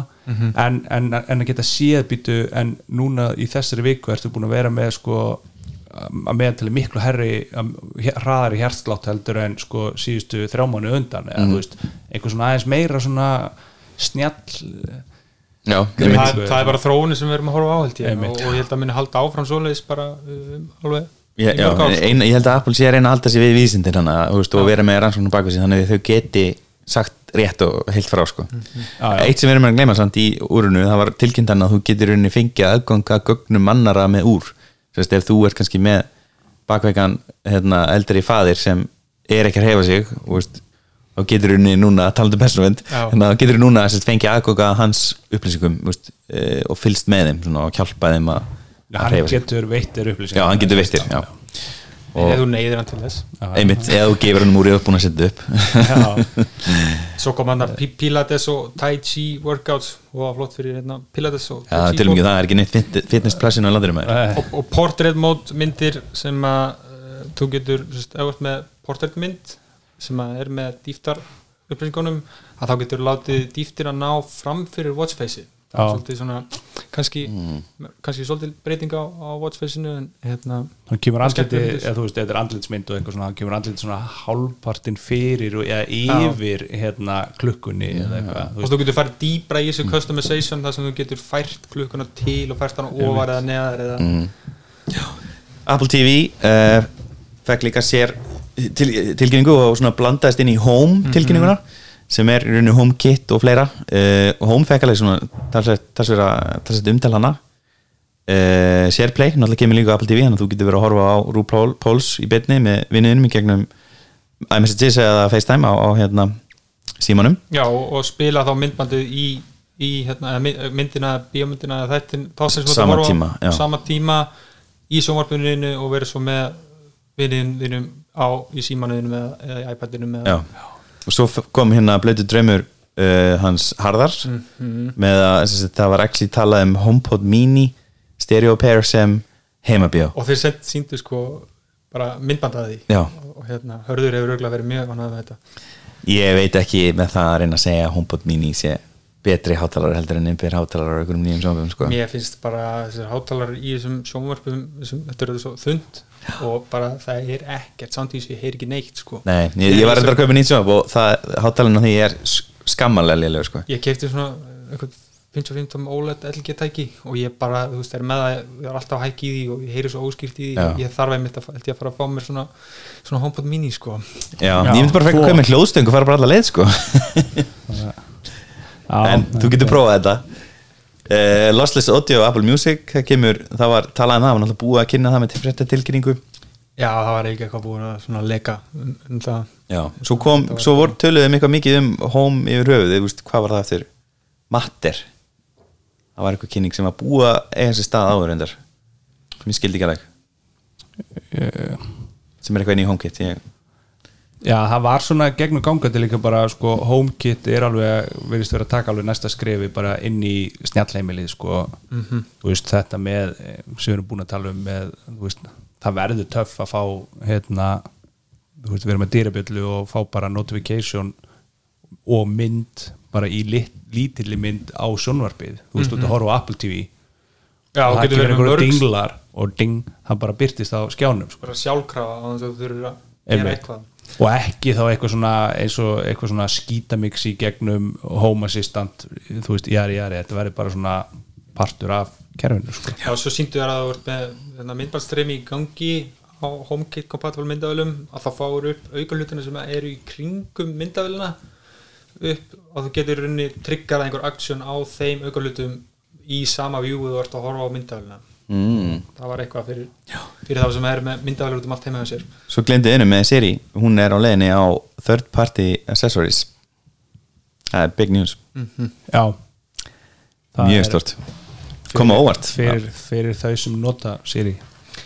Ég held bara að við Apple hafi þurft að gera þetta þess Já, að reyna að koma, koma HomeKit ennþá uh, í, í svona já, ko- koma Já, ról. eitt, nýji staðallin uh, thread, ná, þrönd, eða matter tala um. matter já. við við erum ekki alveg nóg vel að hverju Apple fann upp nýjan staðal fyrir hérna, snjallheimilistæki hérna, veist, ég var ekki alveg búin að ná að kynna með það neitt. Svona að ráði. Þannig að ég er ekki að fara að tala um einhverju dýft um það en það var hérna í kynningunni. Hef eitthvað m- mist á þessu en Já, ma þá- Matt er hérna Ég er sko annars getur sem við tala um þetta sko. Ég er, ég er samt ekki komin inn í þetta sko. Ég, þú veist, ég sá þetta bara í kynningunum þau fóru ekki djúpt í þetta en eitt svoleiðis. Þetta er bara einhver nýr stall og við erum búin að taka okkur saman með hérna, helstu tækni fyrirtækjum um einhvern svona þróa nýjan stall fyrir snjáltæki þannig að við erum að tala um þetta er einhver svona Sigby. Sitawave, Já.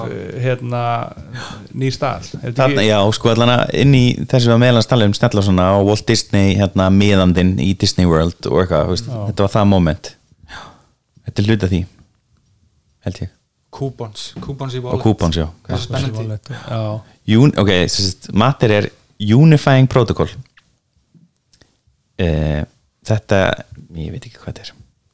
Tökum þetta sérstaklega fyrir í næsta þetti við þurfum bara að gera sér podcast um þetta. Við liggja yfir þessu og hérna, vera klára fyrir, fyrir næsta podcast. Já, þeir eru núna Makkos Ég verð nú að segja, ég verð alveg ánægast með Makkos-kynninguna og hérna, það sem ég var ánægast með er að allir fítursunir sem voru kynntir í hinum stýrikjörunum sem hafa s- leik, komið sent á illa á milli Já. og stundum aldrei.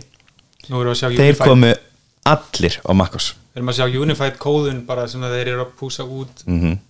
Nefnum náttúrulega er einn til tölu. Ef það er indektóluð þá bara máttu geta þessum út í físk reynilega Þú fær fókus, þú fær hana mail fítursuna, þú fær fótosfítursuna, maps, safari. Uh, svo náttúrulega stærsta flexið. Það var rosalegt moment. Já, Universal Control Þannig er raunni getur þú verið með uh, hérna, Maca og iPad og þú getur verið sérst að nota músin á liklaborðið á Macanum og þú getur fært músin á liklaborðið yfir á iPadin sem við hlýna á þér og skrifað og snert á þeim skjá eða þeirri tölu. En í rauninni sko veist, hérna er þetta svona dæmi það sem að það sem að Apple býður rosalega lengi með að gera eitthvað og gefur út og gera það svo ógeðslega vel að bara það drefur allt annað. Eh, fyrir tíu ára síðan var ég með veist, iMac og MacBook og, og veist, eitthvað fullt af tölvum og, og þá notaði ég fórst sem teleport og þá gæti ég flakka á milli. Og þá þurftur í dag að taka til þess að hoppa á milli eitthvað Nei, í raun ekki, ég var bara búin að stilla hvar hann var og gæti ég hoppa á milli og, og hérna uh, með svo- svo notaði bara eina líkla og, eina mús og gæti flakka á milli. Eh, ef ég kopjaði eitthvað þá var það vesen, ég gæti ekki peistað yfir hinn í velinni Já, það virkar alltaf annað og drag and drop virkar líka. það er nefnilega málið. Þarna, þarna býður Apple og, og gerir þetta svo greinilega svona ótrúlega vel. Þetta let virkilega vel út og þú veist þarna nýta er airdrop-tæknina og Já, er continuity og handoff, þetta er allt fítusar sem að bygg, í rauninni er búið að byggja upp í það að gera Einmitt. þetta raunveruleika. Og þau tengið þetta allt saman í þetta universal control. Og þú veist, þetta var reyna flottasta moment í allir kynningunni. Já. þess að ég bara trúði ekki mínu megin augum þegar hann droppaði einhverju úr tók úr iPadinum. Einhverja stóra skrá. Einhverja stóra skrá, dró hana yfir ekki veist, eh, hann dró hana í gegnum á inn á iMac-an og beint inn í Final Cut. Og það bara var ótrúlega smúð það var hérna bara mjög þetta var flottasti fítusinn sem maður kynntu já. Og svo líka það að þeir, þeir gera þarna Airplay serverin Hvað, hvernig verður það? þannig að í rauninni er hvort þetta er limta við, við M1 ég er ekki viss, þess Apple Silicon en, en allavega þá getur þá er bara innbyggt inni í stýrikerfið uh, Airplay. Veist, ég, þetta er sama, ég var að nota einhver, einhver fórið bara ári eftir að Airplay var kynnt eða eitthvað, það var búið að reverse engineera þarna protocol og, og hérna ég gæti sett upp eitthvað fórið sem að var bara eins og Airplay server. Að þú getur kastað síbanum yfir á MacBook? Já, Vídeó eða hljóði nákvæmlega og þú veist það er eitthvað íslenskt fyrirtæki sem að hérna, reverse engineera þetta á sínum tíma.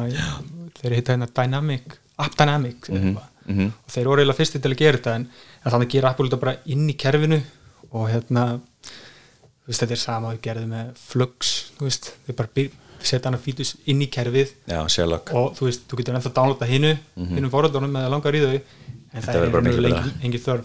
En ég var að Og skoða hva, hvað er þetta að fara að gera fyrir mig? Þú veist, þú veist bara, bara raunhæft dæmi sem að maður myndi nota veist, ég- Sko, til dæmis þeir eru að tek tekna og vektoræsa á iPad Já. sem búa til einhverjar grafíska einingar þeir geta bara farið á iMac-a með hliðina sem í rauninni það sem þau klára það sem þau eru að gera Mhm. og þau bara draga fælinn yfir á milli bara með sama liklabóra mús og er að nota og svo náttúrulega getur líka bara Já, nei, ég er skrifa að meina Airplay serverin sko. Já, fyrir ekki, ég svona þetta. Já, ég held að við erum líka að tala um Universal Control. Já, nei, ja, þú veist, ég sá hitt sko, eða, þú veist, ég fatta hitt sko, og það er bara alveg geggjað sko. en ég er ekki alveg að fatta sko, Þú getur bara að nota iMac-an sem þú veist, skjá eða þú veist með vídeo af, af hérna, falla, falla kettinu þínum. Og þú ert með 24 með iMac við hliðina og vilt sína koninu á stærra skjáfaldurinn á iPhone og getur þú kastaði að milli eða bara þú ert að vinna í einhverju appi í iPadunum og vilt geta syngt einhverjum það á skjánum í iMac-anum, þá getur þú bara að kasta Já, mirror já, á skjánuðinum beint yfir á iMac-an og þá ertu í rauninni komið með einhver svona sem í dag þú þurftir að gera í gegnum Apple TV eða, já, eða beint ekki það með beint, einhverju svaka breytist ekki sko. Já. Ok, ok, hvað meira í MacOS? Safari er náttúrulega fær líka uppfæslu Shortcuts kemur, loksins. Það er til dæmis dæmi um eitthvað sem við erum búin að býða við lengi eftir við MacOS notunir Já, og þú veist, shortcuts er náttúrulega ekkert fyrir alla, en shortcuts er fyrir svona kannski svona nörda sem að hérna, hafa gaman að því að sjálfvirkni væða alls konar hluti. Mm. og þú veist, ég er búin að búa til þú veist, eins og ég forritaði ég var búin að forrita hérna fastegna lit uh, í Python. Svo fer ég yfir iPadin og það er bara ok, nú þarf ég að finna eitthvað út í styrkja að rönna þessa Python skriftu á þessum iPad, hvað að gera. Og ég fór að skoða því hérna, shortcuts. Og ég bjóði raun til bara lítið app inn í shortcuts sem að tala við fastegna API-in og kallar út ákveðnar eignir sem að e, fitta inn í ákveði hérna, ákveðnar svona leitar eiginlega sem sem að ég stilli og það er bara mjög næs. Og svo er ég inn í einhver svona grúpum á Facebook þar sem að menn er að deila alls konar shortcuts og það er alveg komið endalaust af optionum sem getur gert úr shortcuts. Og í rauninni sáum við þarna það hafi verið automator og Apple skrift og Shell skrift bara SH skriftur sem að hafa verið notaðir að gera eitthvað svona hluti sj- sjálfvirkt. Og svo sá Apple útfæra það á svona nýju leveli fyrir iOS með shortcuts. Og nú við að sjá shortcuts koma tilbaka í rauninni í macOS. Já. þannig að þú þú Ég er með nota Automator og hann var alveg hann er orðin svolítið svona svolítið, já, þú veist, bara já, allt við, við automatorinn þú veist, þú- það er ekki eins og þú sért að nota eitthvað app sem á, á að vera að nota núna Mhm.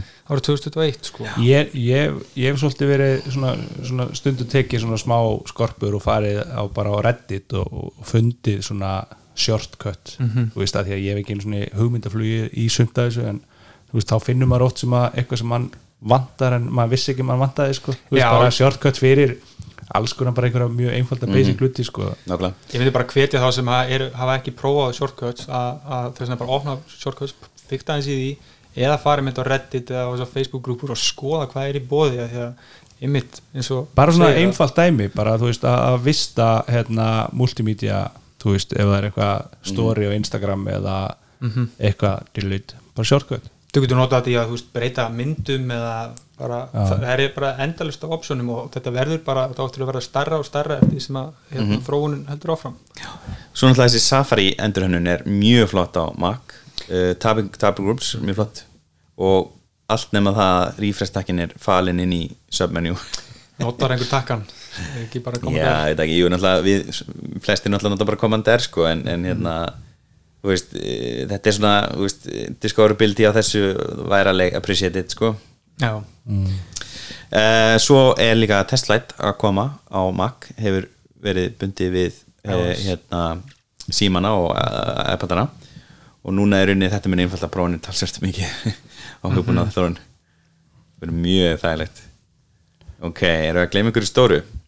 Já, en, en það eru svona aukapunktarnir sem að þú varst búin að skrifa niður. Já, ég var búin að taka sko, það er nefnilega alveg ýmislegt sem að þeir, þú veist, þessi kynning var alveg, það var rosalega mikið, það var alls konar litlum hlutum líka að inni, en svo er veist, það er ennþá að koma fréttir og maður er ennþá að spotta eitthvað sem maður var ekki tekið fram á svo kynningu og, og hérna, ég punktaði niður nokkra hluti og, og eins og hérna ég sá ekki það að þeir voru að kynna Authenticator inn í, það er inn í innbyður Authenticator inn í Safari. Jú, það var kynnt. Það var kynnt, ok. Um, þá var alltaf punktur sem við hefum ekki komið inn á. Já, og, mjög flott, og mjög flott, flott vítur sko. Mér finnst æðislegt að geta að hann autofillit á þetta syngi með iCloud. Að ég þurfi ekki að fara í þú veist, við hefum iPad að fara í síman til þess að fara að opna Authenticator appi til þess að fara á handið skrifa mm. tvekja þátt að auðkenninga númeri inn í iPadin. Þetta er bara Þetta er eitthvað sem við allir þekkjum ekki verandi OnePassword notendur að Jú, ég er náttúrulega með Authenticator fyrir mikið dóti, ég er sko. búin að setja sko svona 99% inn í nema bara vinnutengda. Já, en- akkantanir eru authenticator Já. og svo er ég með eitthvað Amazon Web Services og eitthvað svona, það er- Ég, nota bara iCloud Keychain og bara auto-generate öll password, ég veit ekki eins og passwordin í heimabanka minn í dag en Já, ég er alltaf bundið við þetta, hennan authenticator og ná einhvern authenticator app og er bara með einhvern veginn á einum stað og mér finnst alveg eðslegt að hún og svo fyllir hann út sjálfkrafa fyrir. Þig það er bara það er, bara-. Það er veist, draumur. já. Já, samanlín eh, s- svo var ég búin að punta þarna með starfpláss tímabundið komin og það áðan. Mm Find My. Já, það er nefnilega uh, þeirra breytir svo með Find My og það virkar sagt, Find My þrátt fyrir að slögt sér á tækið eða þessi restort og þá geymir Apple en þá þennan beacon upplýsingarnar. Já, Og þess ef- að restort að mennur þá er búið að núlstiltækið er ekki búið að setja upp. Já, eða búið að taka tæki sem að Find My iPhone var virt á og það er búið að restora það og núlstilla það og þú veist, jafnvel þó þessi ekki að virkja tækið af því að Find My er ennþá virt á því að þá hefur það slögt á á þessum Find My feature sem þú sérði ekki staðsendinguna á tækinu ef það er búið að núlstilla það en hérna fer Apple uh, stort skref og, og í rauninni uh, láta það virka þrátt fyrir að þessi slögt á tækinu. Mhm. og eða það er búin úrstilla þá virkar það ennþá, þannig að ef einhver með iPhone eða einhver, þú veist, Maca eða iPad lappar fram hjá tækinu þá pikkar hann Bluetooth bíkonin og sendir upplýsingarna til Apple sem svo miðlaði áfram til þín. Og heyrðu, tækið fannst þér það? Þannig að klassíst bara dæmi eh, þú veist, eins og kom upp sem það svolítið í umræðuna hérna fyrir hvað tveimur, þreimur árum eitthvað þú veist, það var fólk var sérstaklega mikið á B5 á tíma að þá voru einhverjir óbrútnir að, að fara og ræna símum. Þú veist, fólk var að dansa, símin horfin og svo fattar að símin er horfin reyna að ringja, að slökka símanum. Sko síma þjófnaður hefur minkað töluvert frá Apple kynnti Find My og það er ekki tala um síma heldur iPhone þjófnaður. Og nú bara tekki ekki allt og vel þessi, þessi hérna, samkjæmsæðalina en, en það var alveg mjög greinlegt að, að þjófnaðamál þau minkuðu og þegar menn fóru átt að sá því að þeir voru að sita upp með hérna, glasamáttur í rauninni. Og þú veist, þeir kannski gáttu hýrt einhverja varahluti úr þessum tækjum en eins og þetta er orðið í dag að þá er þetta allt, þú veist, hver varahlutur í síma hann er bara tengdur við móðbörið í símanum, þú notar Já. hann ekkert í annað tæki Einmitt. og með því að Apple hérna loki að Find My virki áfram þráttur að þessi búið að núlstilla tæki þú veist, menn þegar mann áttast á þessu að þá, þú veist, verða með bara hrættir þeir sem eru í þessum bransa sko, Ég veit að hnuppla einhverjum, þá er þessi litli kvati sem er eftir bara nánast alveg farin sko. Já, Það er náttúrulega hvað til komið til þess að þú færi bara einfallega að hakka viðkomandi þannig að þú fáir aðganga líklegum meina- og svo þetta getur en, en, en, þessi gauðra sem eru í það að stela símum þeir, hérna, er ekki þeir eru ekki þar sko. Nei, Nei, en, en þú veist, ég segi alveg fyrir mér að þetta geti gagnast ef að, þú veist, þú ert nýr í bæ símanuðinu með stólið eða einhverjum í hópnum, símanum með stólið þú veist, maður er að ringja eða sjá hérna, búið slökku símanum. En að geta bara trakka síman samt, af því að þú veist, einhver allan til að byrja með myndu óbrútna aðlenda sem er ekki búin að kannski endilega fylgjast með að hlusta á tæknarspið halda bara þessu save þegar þeir slökku símanum. Ég vona bara sem flest sem hlusta svo að að hætta að stela símum sko. Já, það er alveg það væri besta niðurstaðan bara að, að, þú veist, þú, að þú, það er ekki verðmæti í síma, sko iPhone ef hann er stólin Nei, Af því að, þú það veist, er einmitt málið. Já, og ég held að, þú veist, markmið hjá Apple er ekkit endilega að, að hérna, þú veist, þú náður að konfronta aðlan sem að stál símanum þeir eru bara að drepa þjófna og, og þeir eru að gera það með þessum, þessum uh, find my fetus Mhm. og eru að taka það lengra og lengra og, og já, þetta er bara mjög svo er þeir að stór- valda lauruglu yfirvöldum um allan heim brjáluðu vesinni að geta ekki komist inn í símana og fundi sönnunagögn og eins og það er- mjög gott. Er já, hérna, Yes. nú er eiginlega að koma að lokum hjá okkur. Hérna, hvernig fannst ykkur viðbrun í held kannski, er- rennum yfir það snögt hérna. Andri, hvað fannst þér? bara, þetta er bara alltaf læg ég er ekki búin að horfa sko mínútu fyrir mínútu á allt. Mhm. ég er búin að horfa á þetta í, í brotum og svona frá því áhugaverðasta og er að vinna minnir í það minna áhugaverða sko. Þannig að ég er ekki búin að segja svona heildina en þú veist, maður var svona aðeins að vona verið eitthvað kannski kynnta einn tölva eða Mm eitthvað svo leiðis en, en, en þú veist, jú, jú, þetta er bara mjög mikið, þetta er bara rökrætt skref og svona skemmtilegt. Já, Siggi? Já, mér finnst þetta bara að vera það var, ég gerði ráð fyrir nokkrum hlutum og þeir komu flestir. Eh, ég gerði ekki ráð fyrir langt flestu af þessu dóti. Þetta mest af þessu dóti var svona þú veist, er, já, þetta er mjög sniðut og svo koma aftur næst eitthvað og það er mjög sniðut mér finnst þetta að vera flott hugbúnaðar kynning og eina sem að mér langaði var multi-display support á iPadin. Annars er ég mjög, þú veist, ég ger ekki ráð fyrir nýri vél þegar hérna ég held að það hafi ekki gefið út eitthvað hardware WWDC í tíu ár núna eða eitthvað en ja, Já, Mac. Pro það er og iMac Pro 2017 já, ok, það hefur alveg Gleymdi og hérna, ég mitt er sammála. Ég, sest, mér, mér fannst svona eftir fyrsta ár þá var ég bara svona þetta var ekkert spes. Og það kom mér mjög óvart að það væru ekki MacBook Pro tölur kynntar. En þess að allir lekar verið spendið til þess að það yrðu kynntar tölur. Og með þess að kom fram í YouTube lýsingunni þeirra var hashtag eða svona tag eh, sem var MacBook Pro M1X Já. sem var fjarlagt eh, þannig að það búið að fjalla það. Og það bendir til þess að það hafi átt að kynna MacBook Pro tölur en það hefði einfallega verið kipt út. Giftur út og, og á síðustu mínútu. Já, veist, kannski ekki allir síðustu en allan að marka, marketing departmenti var búið að negla niður hashtaginn fyrir YouTube og, og það, hérna, það var púlað en það er mjög skrítið að þið setja út hashtag sem er eitthvað, eitthvað sem hefur ekki verið já, Já, ég- ég sammála, sko, er eru- fyrir eftir á eða? Ég, ég minna veit Nei, ég ekki, meina þetta, þetta kemur sko vídjóið kemur inn á Þegar sko, eventið er jú, búið. bara um leiðu að búið. Þannig að þú veist það er alveg og að því að þetta er ekki live upptak og eitthvað svona ég meina Mhm. við vitum ekkert kannski verður þetta vídeo tilbúið fyrir fjórundum og, já, já, búið að taka þetta allt upp og, og, eða fimm eða whatever og, þú veist einhvern tíman rétt áður. Og það er bara gleymst að, að ta, sko, exa út hérna þessi tögg sem að tengdust tölvunni sko, voru ekki tvö eða eitthvað jú, það var einhver sem misti vinnuna þarna. já, já, það er kemur í ljós.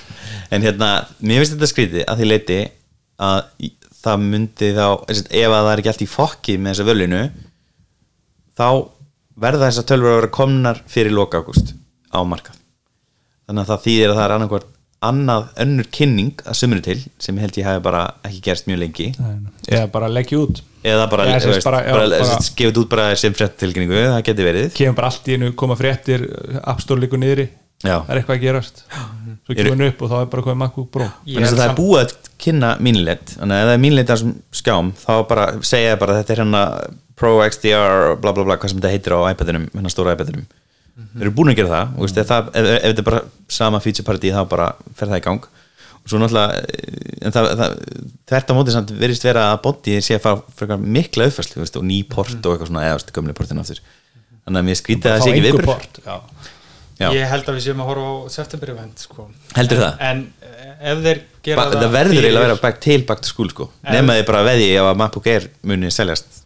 Ég meina það er að seljast það er að MacBook Pro og Air er að mók seljast 16 dóman hún er bara hreyfist ekki. Reyfist ekki sko.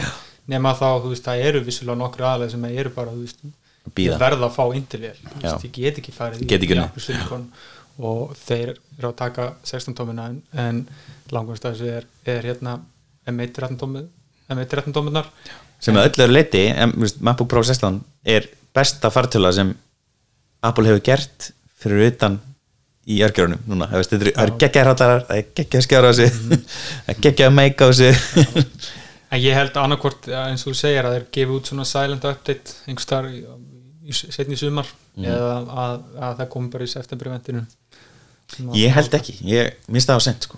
hún verður að koma ef, ágúst. ef, þau er að, ef þau er að horfa í að ná þessu áður en skólanin byrja en þú veist er þetta tölva sem að er svona þau eru að reyna þú veist, sjá þau sko námsmenn sem svona kunnahópin eða þú veist Ætla, námsmennir læra að forrita og læra að búið til 3D og ein- þurfa þess að vilja til þess að verða developerin sem er reyna að verða skella sko. einhver er að en, en 98% ekki Nefn, þetta er samt and butter hjá Apple. Veist, það eru kreatív fólki sem er að búið til vídjóin og búið til pixelmyndinar og þau þurfa einhvern veginn að læra líka veist, þannig, að- og þarna nærðu þeim skilur þarna ákveður fólk á hvaða plattform það það Nei, hérna nei, svo fyrir að vinna og vinna kaupir svona tölvu og afhendir þeim.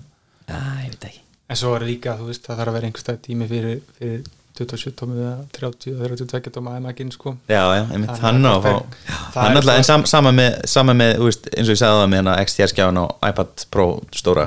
Þú veist, það er búið að kynna design languageið fyrir iMac 24 ef hann er bara með svörtum ramma og, og sömur litum eða aðeins öðru litum þú veist, og svo M1X þú veist, þarf að vera kynning Ég eiginlega vona að þessi iMac komi ekki í fleiri en tveimur litum sko. það, þú veist, þetta er ekkit eðla mikið af vörum sem Já, þarf að stokka upp sko. Bara að stopna þessar vörur inn í kerfinu það, það tekur langa tíma sko. flækir En er ekki makkan bara að velja sér einhverja ákveðnar liti eða hvernig er það? Uh, nei, ég held bara að það, er allir verið í bóði og, og hérna, bara kemur það sem kemur sko, Já, það komið einhverju ræmakkar í dag já, en, en hérna þú veist, þetta bara þá eftir að þá eftir að flæða inn æmakkar þú veist, við erum ekkert komin þangað, það er bara enda að vera að greiða forbandanir og já. en það verður mjög gaman að sjá en þú veist, það er engin það er mjög erfitt að, að selja einhverjum pro-nótanda hérna, sem er í einhverju vídeovinnslu 24 átóma æmak með hvítum borders þú veist, og tveimur tengjum eða, eða fjórum tengjum en þessi hvíti, hvíti rammi hann einhvern veginn stílar þess að vera svo mikið inn á ákveðin markað Mhm. sem er ekki prómarkaðurinn og þeir verða að fara að koma með hérna, stóra gæjan fyrir, fyrir þetta fólk sem er ekki með getur ekki fengið Apple Silicon 16 tómu og getur ekki fengið Apple Silicon Pro iMac sko. Mhm. þannig að ég vona bara að, þeir fara að hendi svo brálega út og koma með bæði en, ég kemur ekkert orð að vera september sko. Já, ég ætla að veðja á að það verði fyrir, það verða að vera komnar held ég, ég ætla að veðja að komin fyrir loka ágúst. Þú segir í ágúst? Já, fyrir loka ágúst, ég myndi segja að september sé bara óseint Já, Og veistu, þið náttúrulega- lofaði, ágúst tekur- og að- segir september það er bara hvor hefur rétt fyrir sér. Ég, Já, ég segi þessi annarkort þannig að ég mun hafa rétt fyrir mér en hvor er ykkar. Andri mun alltaf að réttir sér. Heyrðu, takk fyrir þáttinn. Takk fyrir mig